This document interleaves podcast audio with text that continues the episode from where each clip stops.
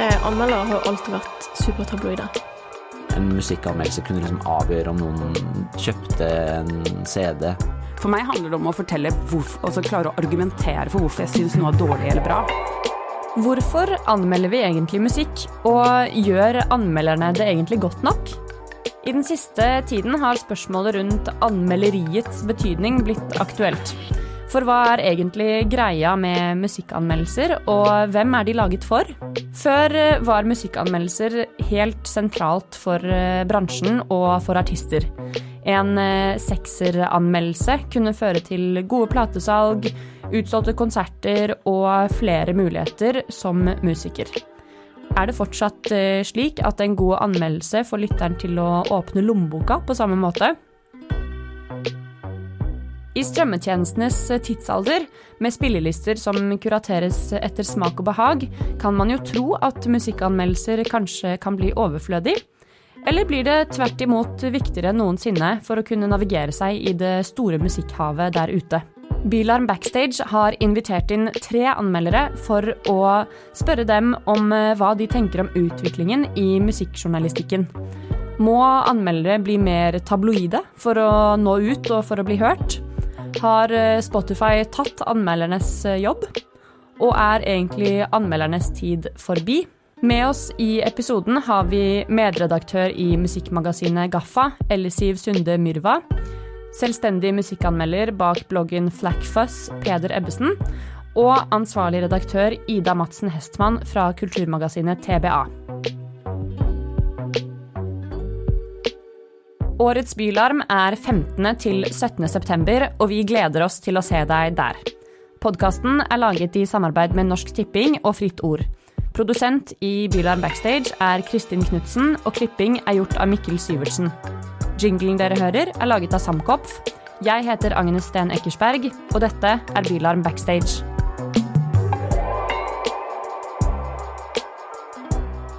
Velkommen til Bylarm Backstage, Ellisiv. Takk. Hva, hva, jobber du med om dagen? Om dagen så eh, har jeg jo flere hatter, men eh, her i dag så er jeg vel kanskje mest som eh, medredaktør i Gaffa Norge. Um, og så utenom det så er jeg også for øyeblikket kulturjournalist i Morgenbladet. Når du nå har jobbet en del med, med anmeldelser og, og, anmelderi, da, hva, hva, er det for deg Hva er det som er en god anmeldelse for deg? I begynnelsen så var jeg jo veldig mye mer sånn nøktern enn jeg er nå. Da var det jo veldig sånn um, Hadde veldig sånn i bakhodet at uh, dette er noen som har skapt, og noen som har brukt mye energi og krefter på, og jeg kan ikke bare motta dette og refse det for underholdningens skyld. Uh, så da var jeg veldig ganske sånn saklig og dyrket veldig en sånn ønske om at uh, det som anmeldes, må alltid settes inn i en, en kontekst. Og den konteksten er ikke nødvendigvis det som musikken blir, som på en måte intensjonen til artisten, men kanskje gjerne det det blir mest lyttet til i, eller forstått som, eller alt mulig. Altså tendenser du hører og kan trekke ut og, og diskutere. og så i tillegg så var det viktig også å kunne hekte det på populærkultur.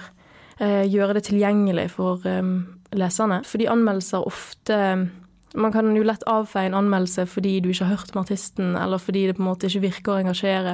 Det er ikke noe som føles kanskje like samfunnsaktuelt som en nyhet, eller like viktig som et ja, push-varsel, sant.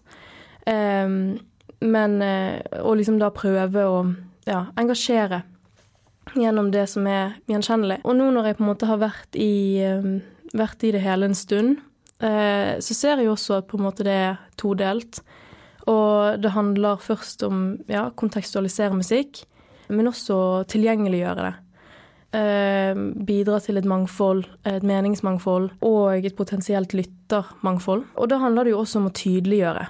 Det er jo også noe av det viktigste. At man kan ikke på en måte vasse i sånn eh, generelle beskrivelser, observasjoner og, og, anbefalinger. At man er jo nødt til å på en måte ha et standpunkt for at eh, det i det hele tatt skal være interessant å, å, ta stilling til det som leser. Nå har du vært litt inne på det allerede, men hva er det som, som gjør at du synes at anmeldelser er viktig? Hvorfor er det eh, hvorfor, hvorfor, skal vi anmelde musikk og konserter? Eh, og hvorfor skal en person inneha på en måte meninger om det og formulere seg om det? Altså, Det er jo bra at man stiller det spørsmålet, men samtidig så er det en slags, sånn, eh, en slags sykdom at man ikke tar musikken seriøst. Eh, sånn, man forventer at man skal eh, kritisere og anmelde bøker, f.eks. Man forventer at man skal ta stilling til hva som skal stilles ut og ikke på et museum. Mens når det kommer til musikken, så er det et eller annet med at det er så momentant og isolert til liksom det øyeblikket det finner sted, altså de tre minuttene avspillingen finner sted, at man, at man på en måte latterliggjør anmelderiet, da. Eh, eller kritikerne eh, istedenfor å se på det som en slags ja, en viktig del av, av samfunnsdebatten. Eh, rett og slett fordi man ikke tar musikk seriøst, tror jeg. I lys av at man tenker at Spotify og ulike strømmetjenester kanskje har mer makt, er det sånn at uh, anmeldere må jobbe hardere for å få oppmerksomheten til leserne? Mm. Påvirker det hvordan man skriver anmeldelser? Eh, anmeldere har jo alltid vært supertabloide.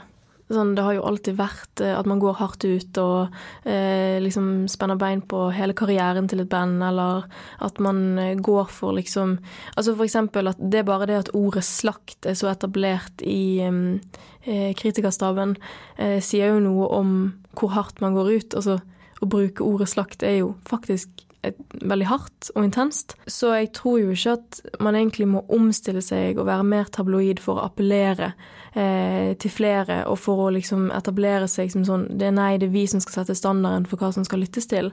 Eh, for det første fordi det er ikke det som bør være jobben til en anmelder, men også fordi den måten å tenke om anmeldelser blir litt bakvendt. Eksempel hvis du går på en konsert og Eh, altså sånn, ja, Si at vi eh, publiserer i, i Gaffa eh, en anmeldelse av en konsert, eh, som f.eks. vi gjorde noe etter Tons of Rock med Five Finger Death Punch, der vi ga de to stjerner. Eh, men hele liksom eh, Hele Tons of Rock syntes at det var tidenes avslutning på festivalen, og sto jo trampet og klappet, og alle kunne låtene. og Eh, vokalisten var jo også sånn Dere er det sykeste publikum vi noensinne har hatt. Eh, men så gir vi det to stjerner fordi vi har satt det i en, en større kontekst. Eh, her handler det ikke bare om hva de presterer der og da. Eh, det gjør jo også det. Og når en trommesolo er dårlig, er en trommesolo dårlig. Vi ser jo også forbi det.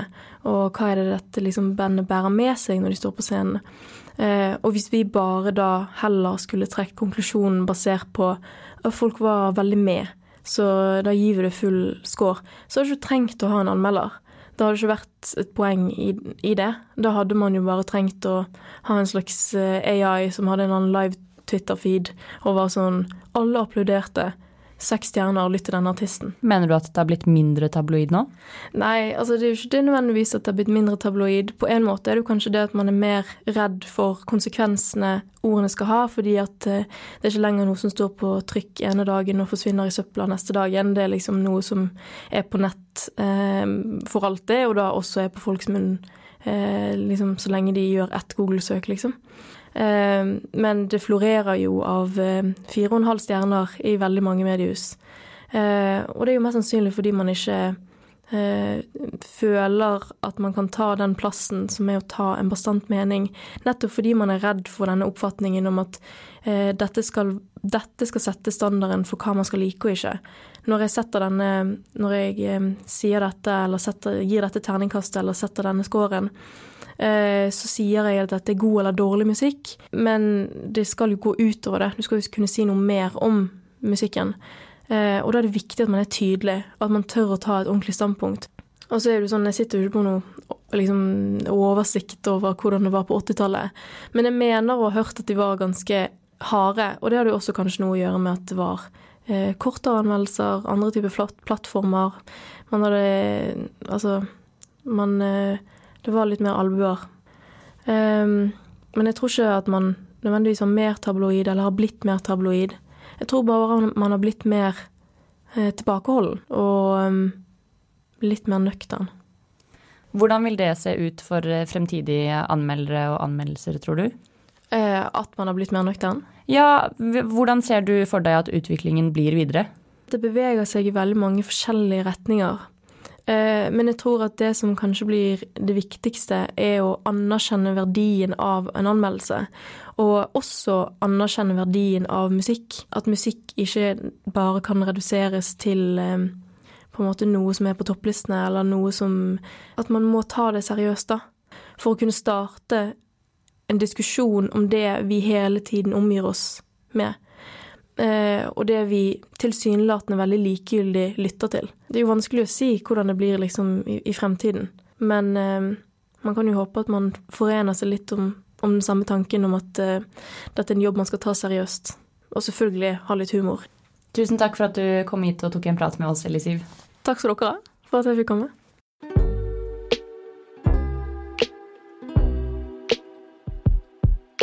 Velkommen til Bylarm backstage, Peder. Tusen takk. Jeg har først lyst til å spørre deg om hva du driver med om dagen. Ja, om dagen så har jeg egentlig litt pause fra musikkjournalistlivet. Nå jobber jeg som eh, kommunikasjonsrådgiver i Kulturmeglerne. Så jeg får fortsatt jobbe med musikk og kultur, men litt sånn på andre siden av bordet, da. Så jeg har Jeg pleide jo å frilanse litt forskjellige steder. Aftenposten og Gaffa og Subjekt og Ballade var vel der jeg skrev mest. Hvordan er det du kom inn i uh, mer sånn musikkanmeldelser da? Sånn fra start, liksom? Ja. ja. Jeg, jeg, begynte å studere idéhistorie på Blindern, og så ble jeg ferdig med det, og så var jeg litt sånn Du, jeg vet ikke hva i helvete jeg skal bruke denne graden til. Så jobbet jeg liksom deltid og begynte å anmelde konserter og album for Gaffa. Ehm, med liksom Tore Litleskaret som redaktør. Og det var liksom første gang jeg liksom kom inn i det, da. Og skjønte at jeg var liksom Jeg var flink til å skrive på Blindern, men at jeg hadde ikke brukt det til noe. Så jeg liksom bare var veldig opptatt av musikk, men uten å bruke det til noe. Eh, og så startet det egentlig med det, og så ble det liksom studentavis av Universitas, og så ble det eh, Subjekt og litt i musikknyheter, og så ble det Pallade, og så bare ballet det egentlig bare på seg, da. Til det var plutselig noe jeg kunne semileve av mens jeg også studerte medievitenskap. Men først så, så, lurer jeg litt mer på i den større konteksten, som ikke på en måte er av din egen indre motivasjon. Hvorfor tenker du at musikkjournalistikk er viktig? Jeg tenker at det er viktig fordi det er med på å gjøre liksom, lyttere av musikk litt mer sånn bevisst på hva de driver med.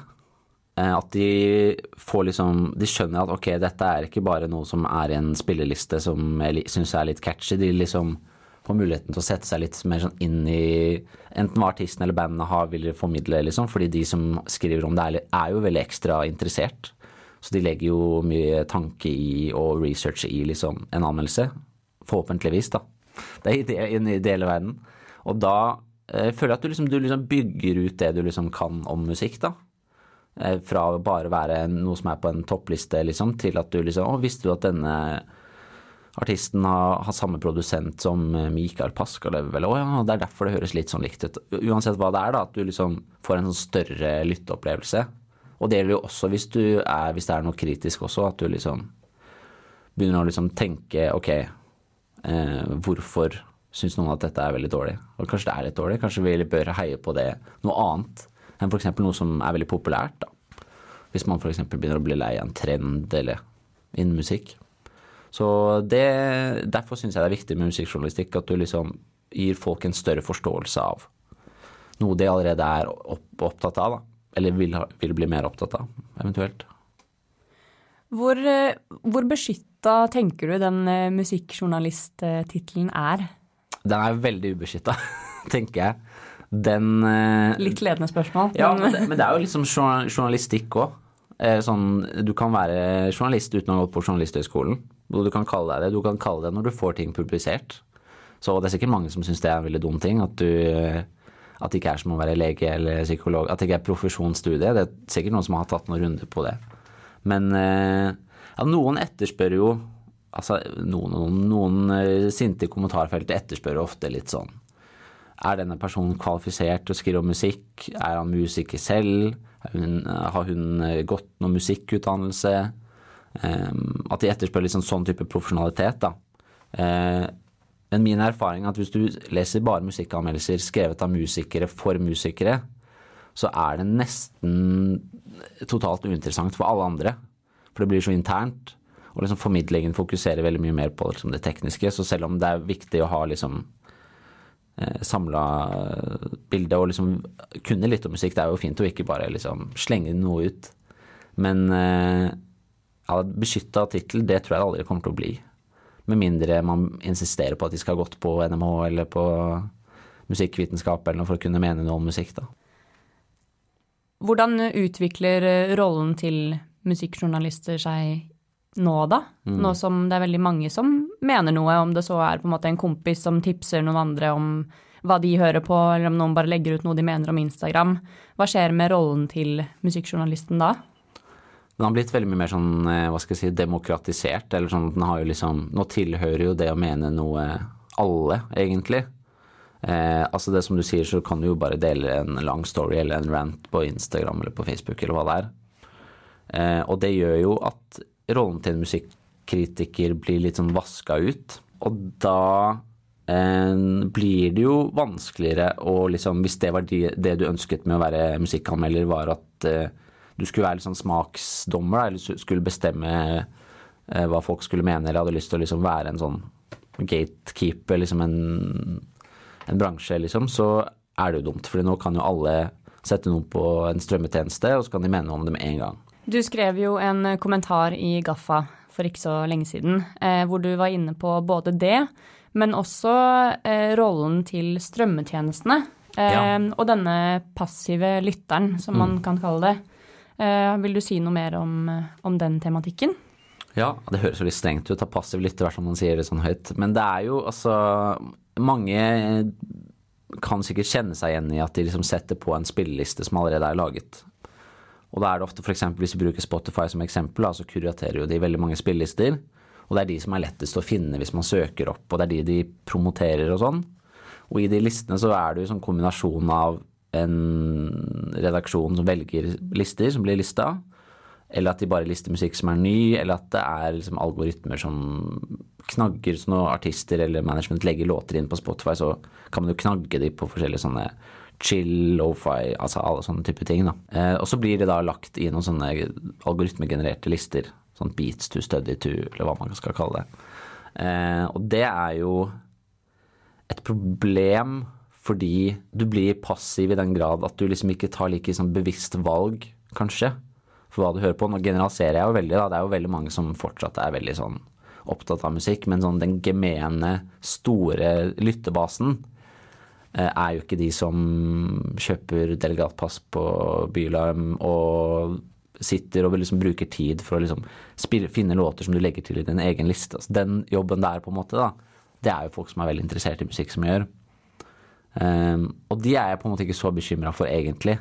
Det er mer kanskje sånn ja, familiemedlemmer som er liksom, eller venner som ikke er i musikkbransjen, eller som driver med musikk, som bare liksom um, At det blir sånn ettertanke, da.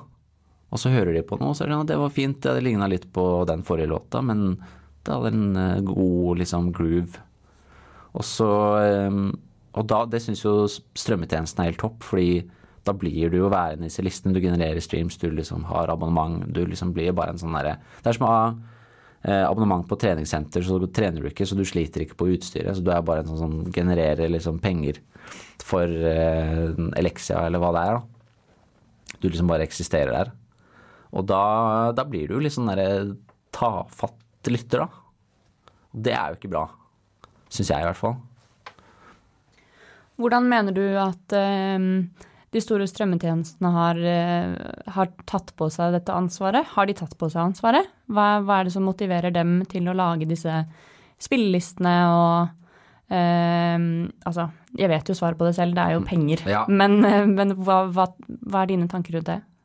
Ja, de tar jo eh, ansvaret på seg ved at de prøver å, å gi deg musikk de tror du vil ha. Men det er jo igjen basert på liksom lyttevanene dine, ikke sant.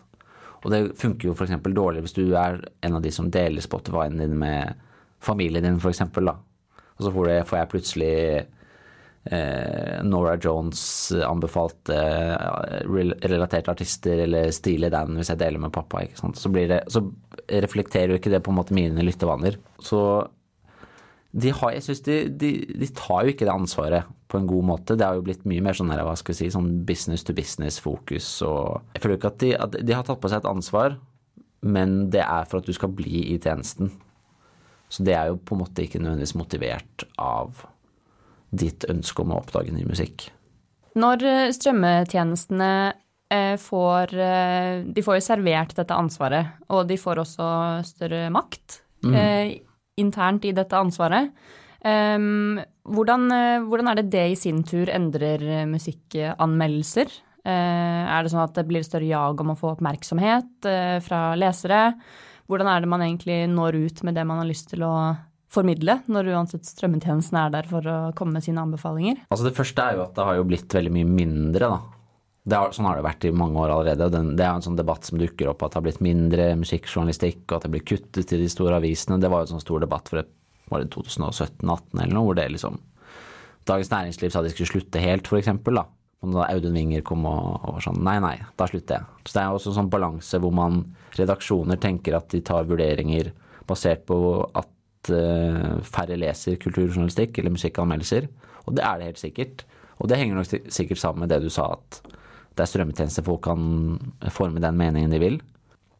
Men uh, jobben har jo på en måte blitt mindre om å liksom definere hvordan noe skal være, eller hvordan musikk skal oppfattes, og mer som en slags sånn Jeg vet ikke. Noen syns at det er litt sånn forbrukerhjelp en periode, selv om det, det Sånn var det jo lenge, at det var jo en musikkanmeldelse kunne liksom avgjøre om noen kjøpte en CD, dro på en konsert, kjøpte festivalbilletter. Eh, og altså, kan hende jeg syns litt lite om den jobben jeg har gjort, da, men jeg, jeg har aldri tenkt at eh, jeg skal påvirke hvordan det går for noen. Eller jeg har aldri trodd at jeg har hatt den makten da, til å liksom bestemme hvordan det går. Men om det er deal-breaker for de som faktisk kommer på konserten eller ikke, det tror jeg ikke lenger. Det er ikke sånn at vi kan bestemme hvordan en karriere går. Hvis du tror det, så er du veldig arrogant som anmelder. Noen tror det sikkert, jeg vet ikke. Men var det sånn før? Ja, litt, jeg, jeg, tenker på sånne litt sånn stereotypisk sånn hvite, gubbete sånn Rolling Stone-journalister som var sånn du fikk en Du blir slakta, og da var det nye punkbandet ditt over, liksom. Eh, og det var sikkert eh, sånn litt sånn tidlig 2000-tallet i Norge, på 90-tallet og 80-tallet, at eh, de var litt, hadde en mer sånn derre eh, definisjonsmakt, da. Men er det sånn at slakt eh, har dødd ut? Uh, Gaffa vil kanskje si det. At det har gjort det. uh, det. Men det har blitt veldig mye mindre slakt. Norge er dritlite. Du kan møte manageren eller artisten på uh, Kiwi, liksom. Og man er, det er ikke hyggelig med dårlig stemning, på en måte. Eller sånn, det er jo ikke det. Nå har jeg aldri på en måte vært i sånn skikkelig liksom, klammeri, selv om jeg har gitt noen veldig strenge anmeldelser så har det vært sånn, litt sånn uh, på Twitter og Instagram, liksom. Men det har aldri vært noen som har kommet til meg eller snakket med meg og si at jeg suger, eller at jeg var dårlig, eller Folk er jo veldig sånn konfliktsky, til og med tøffe, kule artister, liksom. Uh, så det er jo litt sånn Det har en verdi fordi altså, det er jo mye musikk som bare ikke er veldig bra. Eller det er mye musikk det er, det, det er ikke riktig å si. Det er mye musikk som er helt ok. Det er veldig sjelden jeg faktisk får en låt eller et album hvor det er bare sånn Dette her er helt forferdelig. Dette er makkverk. Det er liksom surt, det er falskt. De synger feil, de kan ikke spille. Fordi musikk eh, brang, eller sånn, musikere Og det er veldig høyt nivå på norsk musikk generelt, som vi må være veldig fornøyd med. Herregud, det, det er et veldig sånn luksusproblem. Så det største problemet er at det er veldig mye som er en slapp firer, på en måte. At det er veldig mye sånn helt på det jevne, skiller seg ikke ut. Det er ikke dårlig, men det er ikke bra heller. Og det er jo det kjipeste. Og da har man en mulighet som eh, musikkanmelder å være sånn Men dette her er jo bare enda en eh, Astrid S, eller det er enda en eh, rip-off av en vestkantrapper, eller hva det er. Men eh, altså, ref. Eh, debatten. Mm. Er det sånn at eh, eh omtale av musikk må være tabloid? Jeg håper jo ikke det. Jeg håper ikke at det er sånn. Eh, jeg er veldig på Altså, jeg skjønner veldig godt det at for noen som ikke bare skriver om musikk. Hvis det er større, en større utgivelse, så holder det ikke med at man kommer og sier dette er et utrolig bra album. Dette er kanskje det beste popalbumet jeg har hørt i år. Så skjønner jeg at de som tar de redaksjonelle vurderingene, syns at ikke det holder. Fordi det må jo være noe mer som gjør leseren interessant. Når det kommer liksom inn den der stereotypien med liksom en, du må ha en Lindmo-historie for å selge musikken din, på en måte. Og det er, det er jo delvis sant at det er liksom vanskelig å bare selge på musikalsk kvalitet alene. Så liksom idealisten i meg syns jo det er liksom trist å høre. Fordi man vil jo man, altså Hvis noe er dødsbra, så tenker jeg at det egentlig bør være sensasjon i seg selv. Eh, men det er jo ikke sånn det fungerer, dessverre, liksom. Og vi som er så opptatt av musikk, vi er ikke liksom mange nok til at vi kan gjøre at det går bra for de artistene vi heier på, da.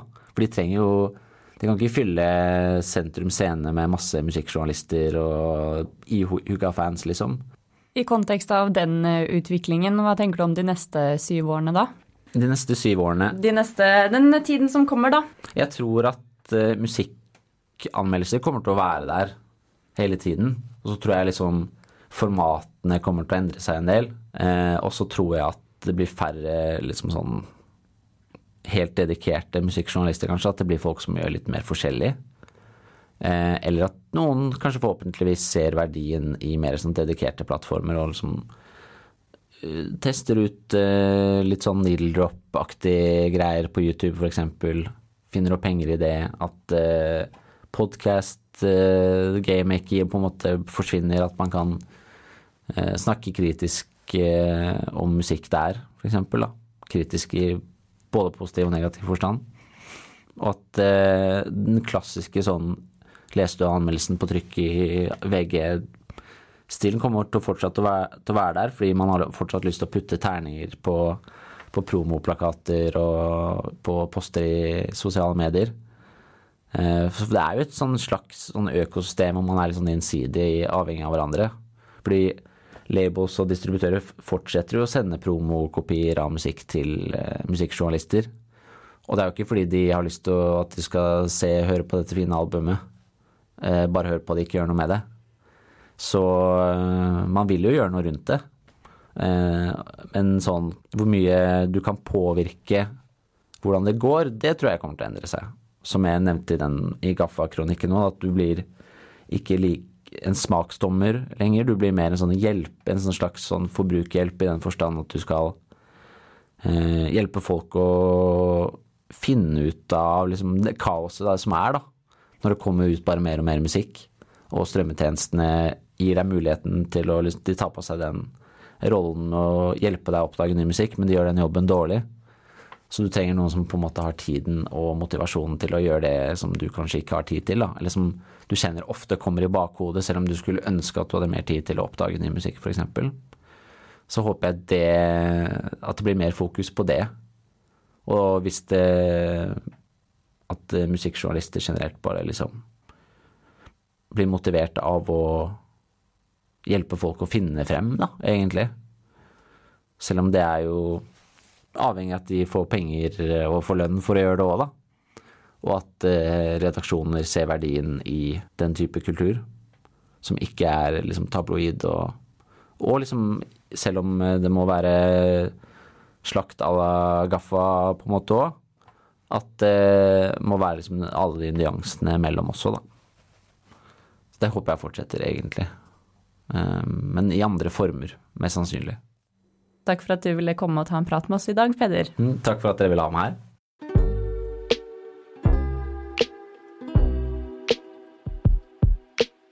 Velkommen til Bylarm backstage, Ida. Jo, takk. Hvem, eh, hvem er du i denne anmelderverdenen? Vet du hva, det må du uh, fortelle meg. Jeg vet ikke Du, du driver jo ja. dette magasinet TBA. Mm. Vil du mm. fortelle litt om eh, hvordan du kom på å starte det? Jeg startet TBA eh, først og fremst under koronapandemien. eh, da jeg selv mista uh, flere jobber, i likhet med mange andre. Um, men det var like mye en reaksjon på at altså ikke bare at kulturlivet ble satt på vent, men også kulturjournalistikken med, med det. Jeg ser jo kulturjournalistikken som en del av altså kultur- og mediefeltet. Eh, vi er også frilansere, de fleste av oss som jobber med kulturjournalistikk og kritikk. Og det er det vi vil komme litt inn på, er jo hvordan eh, kultur- og musikkjournalistikk da utformer seg. Og hva som får eh, plass. Og da mener du at det har vært en liten endring de siste årene, eller, eller er det liksom noe som det har vært hele veien? Da, da jeg starta som kulturjournalist og begynte å anmelde, så var det litt mer rom for å skrive om mer, da. Det var ikke kanskje like mange eh, hva skal man si rammer eller Og så har jeg vel vært kjent på siden jeg starta at det har blitt trangere og trangere rom for eh, hva kulturjournalistikken kan være. Eh, hva, hva, mener du ligger i, i en f.eks. en god anmeldelse, da? Hva, hva, er det som er viktig for deg å få frem? Det kommer helt an på det jeg skriver om, da. Eh, og ja, å formidle hva, hva jeg opplever som eh, spesielt og unikt og spennende med et uttrykk, og som gjør at å, dette vil jeg bare fortelle noen andre om. Uh, og ja, at du får en sånn trang til å fortelle dette er så bra fordi disse og disse og disse tingene, holdt jeg på å si. Uh, men det kan, det kan, være alt fra at det er et godt Eh, sjanger Det er gode sjangergrep, ikke sant, og hvordan er det? Det kan være en god, godt oppbygget, eh, et godt oppbygget album eller um, konsert, en god dramaturgi. Det, det, er gjerne, for min del, handler det gjerne om atmosfære og stemning, og at man klarer å skape et eget rom hvor, hvor vi tas med inn på en reise. Eh, og så handler det om da å ta det fra hverandre og peke på ja, men hva er det som gjør at jeg har det på denne måten? Hva er det som gjør at jeg føler det sånn og sånn? Det syns jeg er no, noe av det mest spennende med kultur og kunstuttrykk. Eh, og det var jo derfor jeg begynte med det, fordi jeg blir ekstremt engasjert emosjonelt av det jeg opplever. Og jeg tror det er kjempeviktig men ja, det er jo viktig at man også er relevant som en anmelder, og da gjelder det også å følge med på utviklingen også, og ikke bare sitte bitter og tenke at min papiravisanmeldelse på Som er denne veldig, veldig lille skrifta, um, og som uh, med disse veldig grelle bildene til, uh, den forventer jeg at alle skal lese. Uh, og liksom Man må på en måte forstå at også utviklingen er på ulike måter. Så jeg tenker ganske mye av kritikken og kulturjournalistikkfeltet også handler om å, å også se hvordan kan man endre format eller tilpasse kritikken, sånn at den, den også er til stede der målgruppa er. Eh, og med det sagt så tenker jeg at det må ikke gå på kompromiss med innholdet og det du vil formidle i, i, i en anmeldelse. Overhodet ikke. Men jeg ser at ser, eller jeg opplever at mange setter litt sånn likhetstegn mellom det. At, at å, nå må vi modernisere oss så mye at det ikke er noe kritikk igjen. Og det, det tenker jeg, det må det jo ikke være. Men hva mener du er eh, kjernefunksjonen til anmeldelser i dag? Eh, det tenker jeg, det er det jo ikke ett svar på. Nei. Det er mye forskjellig. Det er samme som å spørre hva, hva, skal vi med journalistikk. For meg handler det om å fortelle hvorfor, altså klare å argumentere for hvorfor jeg syns noe er dårlig eller bra. Og, og jeg tenker at jeg mislykkes hvis jeg ikke klarer å peke konkret på de tingene som gjør at Særlig hvis jeg skal skrive en slakt, så tenker jeg det handler så mye om at jeg skal eh, klare å, å fortelle deg sånn Ja, men dette er dårlig fordi dette og dette og dette. Og dette påvirker da i sin tur hvordan man skriver anmeldelser. Og så tilbake til det hvor vi startet. Ja. At det har begynt å handle mer om klikk, da. Eh, når jeg skriver for Klassekampen, så får jeg jo ganske stor frihet til å skrive om nesten hva jeg vil. Eh, så der tenker jeg at det der er ikke gjeldende i det hele tatt, det er jeg kjempeglad for. Men det er få, få medieaktører som, som, gir den friheten, da. Eh, jeg har jo også erfart at ja, andre steder jeg har skrevet, så, så må det enten være et stort navn, og da har det vært ja, litt sånn Ja, hvis, jeg da har gitt en treer, så har det vært greit, fordi det er et såpass stort og kjent navn. Mens hvis det hadde vært en mer ukjent artist um, og selv om jeg ofte syns at hvis jeg gir eh, terningkast fire og kan peke på noe som jeg syns er kjempebra, men også veldig svakt, Og jeg syns ofte det er en spennende diskusjon jeg har da eh, om et uttrykk. Og, og, tankeprosess, ikke minst, som jeg gjør. Sånn mens jeg jobber med det. Jeg synes det er mye mer interessant.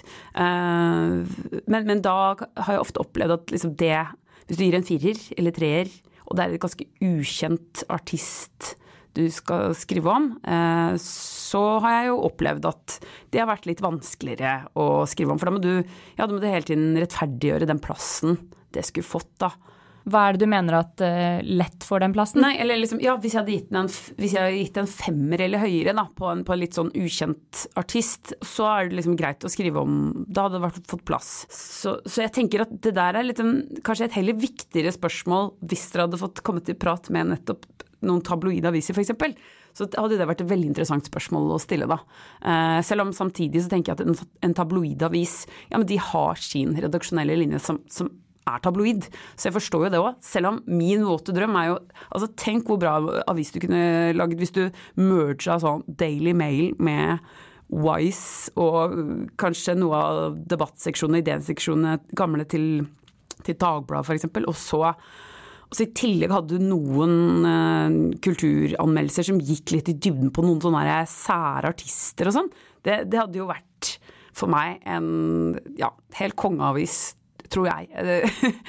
så, så, jeg tenker at jeg syns det er synd å se at liksom tabloid eh, aldri kan Altså at man kan ikke både være tabloid og gå i dybden. Det syns jeg er tullete. Jeg tenker at der har jeg, jeg tror jo at der kunne du nådd ut til ganske mange, da.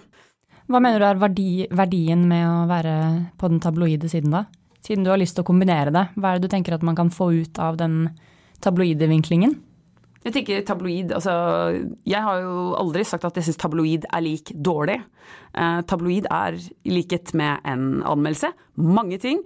Eh, jeg selv jeg har jo skrevet mye tabloidjournalistikk. Eh, og så syns jeg den derre vektinga og vekslinga mellom eh, F.eks. hvis du skriver et intervju, så da kan det både være tabloid og gå i dybden. Det er det er jo egentlig oppsummert veldig mange av de intervjuene jeg har gjort. Da. At uh, jeg kombinerer det, og sånn tror jeg at jeg får flere til å lese et intervju. Uh, ved å lokke, lokke, det inn med litt sånn tabloid overskrift, kanskje, og litt tabloide uthevede sitater. Eh, men samtidig så må ikke det gå på kompromiss med kvalitet og, og, det å ha en god samtale, da. Så, så for meg syns jeg det er rart at, at vi i Medie-Norge er litt sånn Vi setter tabloid som en motsats til det å være litt nerdete og like gå i dybden. Eh, jeg tenker at det må ikke være motsetninger mellom det. Så, så det har jeg ofte lurt på, for jeg ser jo masse eksempler på det i, også i internasjonale medier, som, som, klarer det der veldig fint med å kombinere både gloss kjendisjournalistikk, um, men også med, gode intervjuer. Og kule, fete altså fotoshoots. Og samtidig også ha enkle nyheter. Uh, og, ja, og gode, um, velskrevne ja, kritikktekster, holdt jeg på å si. Ja. Ja. Og dette, og dette er jo svar. Ja, ja, ja. og denne, det du beskriver her, det er jo på en måte den, den rene formen for journalistikk. Det vil man aldri kunne få fra kompisen eller venninna som anbefaler eh, sin favorittplate. Eh, så det, det, er jo på en måte Man har jo to forskjellige ting her, men den ene siden tar kanskje mer og mer over, da. Mm. Men så får man da opprettholde verdien av den eh, velbalanserte analysen av, eh, av det kunstneriske. Ja. Tusen takk for at du ville komme til eh, Bylarm Backstage, Ida. Takk for at jeg fikk komme.